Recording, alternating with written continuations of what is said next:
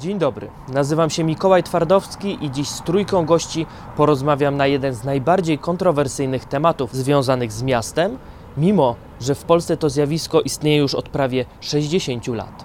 A mowa o blokach.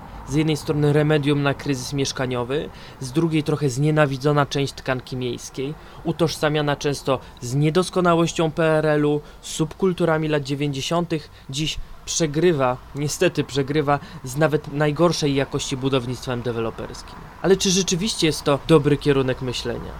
Bloki są enfant terrible polskich miast? Czy ta ocena wynika głównie z naszego strachu i fobii, które są zupełnie nieuzasadnione?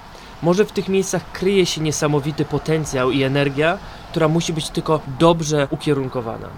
Ja trochę już znam odpowiedź na to pytanie, ale dziś zaprosiłem kilkoro gości, którzy w swojej pracy podejmują temat blokowisk z różnych stron i kierunków. A przestrzeń, w której teraz się znajdujemy, jest jedyna w swoim rodzaju. Jesteśmy właśnie na wrocławskim Manhattanie, osiedlu zaprojektowanym przez architektkę Jadwigę Grabowską-Hawrylak w latach 70. Osiedlu nietuzinkowym i jedynym w swoim rodzaju. Pozornie utarło się, że bloki są bardzo powtarzalne, ale te sześć wysokościowców i pasaż pieszy w parterze całkowicie przeczy tym ocenom. Dużo się tu zmienia, a osiedle zaczyna tętnić życiem. Słuchasz podcastu Akademickiego Radia Luz.